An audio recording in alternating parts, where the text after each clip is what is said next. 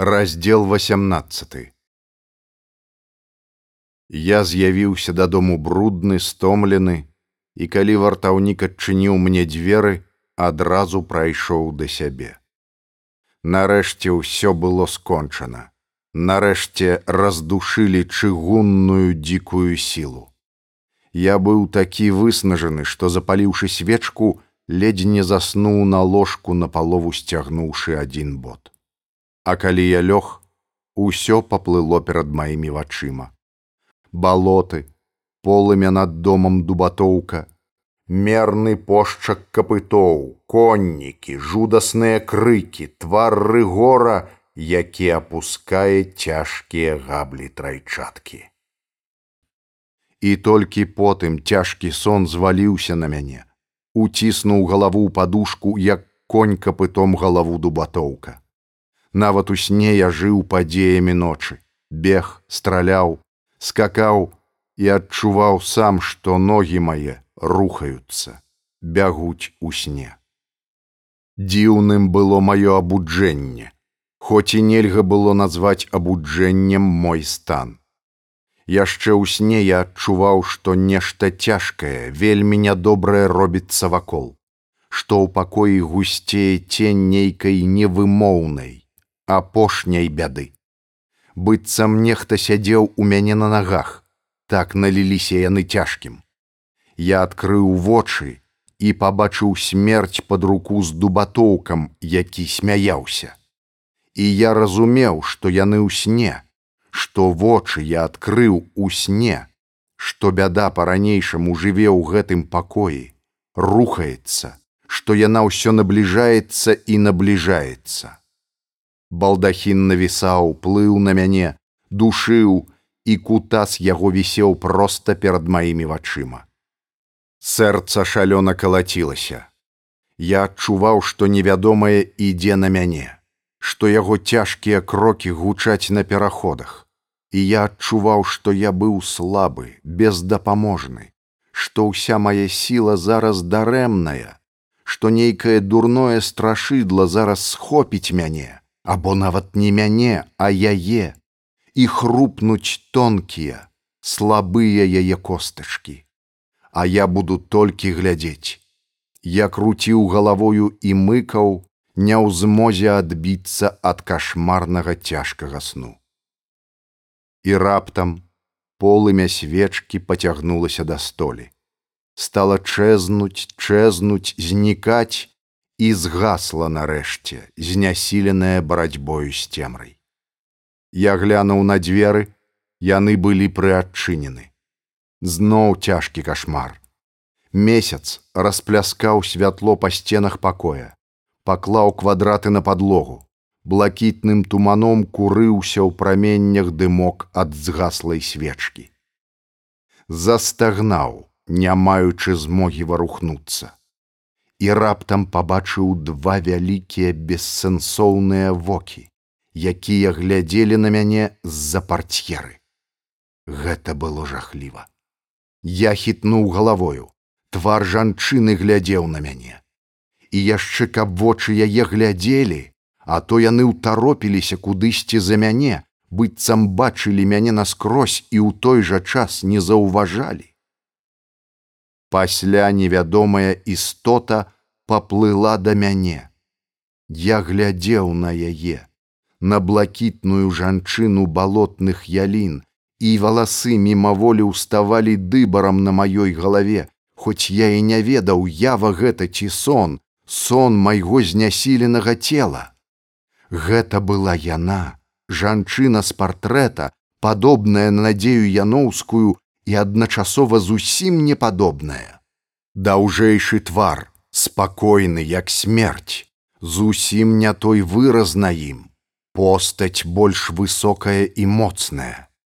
І вочы глядзелі мёртва і пранікнёна, глыбокія як вір. Блакітная жанчына плыла.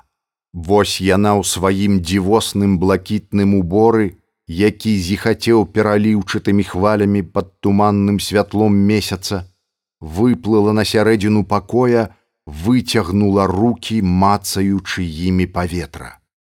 Я адчуваў, што канчаткова прачнуўся, што ногі мае скутыя, што дзівоснае здань рухаецца да мяне, цягне свае руки. Што здарылася з гаспадыняй? Можа, яна мёртвая зараз. Нездарма ж такі невымоўны жах ахапіў маю істоту толькі што у сне. Гэтая думка надала мне сілы. Я збіў нагамі коўдру, прыгатаваўся да нападу, і калі яна падплыла бліжэй, схапіў яе проста за выцягнутыя руки. Адна моя рука трапіла ў нейкі, унікаючы пальцаў флёр, другая моцна схапіла за штосьці невымоўна тонкае, слабае і цёплае. Моцна ірвануў яе на сябе, пачуў крык і зразумеў сутнасць з'явы, калі пабачыў, як грымаса жаху зноў села на твар, як у вачах быццам абуджаных ад сну, з'явіўся асэнсаваны агеньчык, выраз болю трывогі і яшчэ чагосьці, што бывае ў вачах сабакі, які чакае ўдару. Блакітная жанчына закалацілася ў маіх руках, няздольная ад нечаканасці сказаць ані слова, а пасля сутаргавае рыданне вырвалася з яе вуснаў. І схожасць, Новая схожасць гэтай істоты з надзеяй яноўскай была такой моцнай, што я, не памятаючы сябе крыкнуў: Надзея раманаўна, супакойцеся, Што вы, дзе вы? Яна і слова не магла сказаць. Пасля жах споўніў яе зрэнкі. А крыкнула яна коротка і спуджана, і затрэсла адмоўна галавой. Абуджаная з самнамбулічнага стану, яна яшчэ нічога не разумела, толькі жах поўніў яе маленькае, дрыжачае як кацяня сэрцайка. І нязнаны жах споўніў і мяне таксама, бо я ведаў, што ад такога раптоўнага спуду людзі часта вар'яцелі або заставаліся нямымі. Я не ведаў, што я раблю як мне ратаваць яе ад гэтага і стаў укрываць пацалункамі яе духмяныя доўгія валасы спуджана дрыжачыя павекі холодныя руки надзея романаўна надзея романаўна любая пяшчотная не бойся я тут з табою я знішчыў караля стаха ніхто ўжо не парушыць твой добры ласкавы спакой павольна вельмі павольна вярталася да яе прытомнасць. Зноў адкрыліся вочы. І я паступова пакінуў цалаваць яе, хоць гэта было цяжэй за смерць. Што гэта? Што за пакой? Чаму я тут прашапацелі вусны? Я ўсё яшчэ трымаў яе ў абдоймах, танюткі сітнях, без якога я моцны адразу зламаюся. Я трымаў яе, бо ведаў, пакінь, і яна ўпадзе. А ў вачах яе між тым плескануўся такі жах, змешаны з такой вар'яцінкай, што я пашкадаваў, нашто я абудзіў яе ад гэтага. Надзея раманаўна, супакойцеся, калі ласка, не трэба больш, усё ўсё будзе добра. Светла для вас на зямлі. Яна не разумела. Чорны тень поўз аднекуль з кута да яе. Відаць хмара засноўвала месяц. І яна глядзела на яго і зрэнкі і вочы яе ўсё шырыліся шырыліся шырыліся Вецер раптам загрукацеў недзе напаў адарваная каніцай, завыў, заскуголіў у коміне. І гэта было так неймаверна падобна на далёкі грукат капытоў дзікага палявання, на нялюдскі крык: «Раман! Раман! Выходь! Гэта было так падобна на ўсё гэта, што я здрыгануўся а яна раптам закрычала, прыціснулася да мяне так, што я адчуваў яе грудзі, калені пад тонкім флёрам, учапілася за мяне, і я падначалены нястрымнаму жаданню прыціснуў яе ўсю да сябе. Клятыя грошы, клятыя грошы, забярыце, забярыце мяне адсюль, забярыце, моцны, вялікі чалавек мой.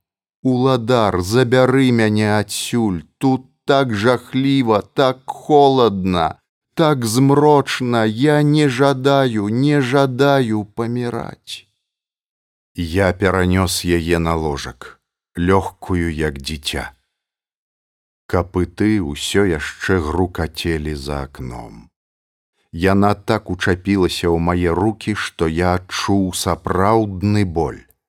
Забярыце, забяры мяне я не магу я не магу і ўсё прыціскалася да мяне лавіла мой позірк хавалася за мае грудзі я адварочваў твар я задыхаўся але я не мог гэта наляцела як навала і слабы чалавек не вытрымаў Усё злілося, закруцілася ў чырвоным кругавароце, і яна даравала мне нават боль.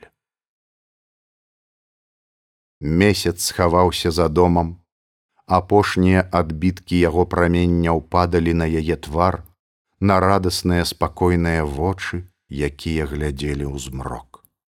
Амаль рыдаючы ад шчасця, якое заўжды валодае першым і першай, калі ніхто раней не кранаўся так тварам да тваёй рукі, я з жахам думаў, што яна, моя першая, адзіная, назаўжды свая, магла, каб гэтыя мярзотнікі дабіліся свайго, быць падобнай чымсьці на тую у кульшавым доме. Гэтага не будзе. Пяшчотай вечнай удзячнасцю, дабрынёй. Я зраблю так, што знікне яе самнамбулізм. Ніводнага крыўднага, ніводнага чэрствага слова не скажу я ёй. Хіба не вянчаў нас нясцерпны жах, чаканне смерці, агульнае жаданне звычайнай цеплыні. Хіба не рызыкавалі мы адзін для аднаго хіба не ўзяў я яе як найвялікшае шчасце, на якое не спадзяваўся.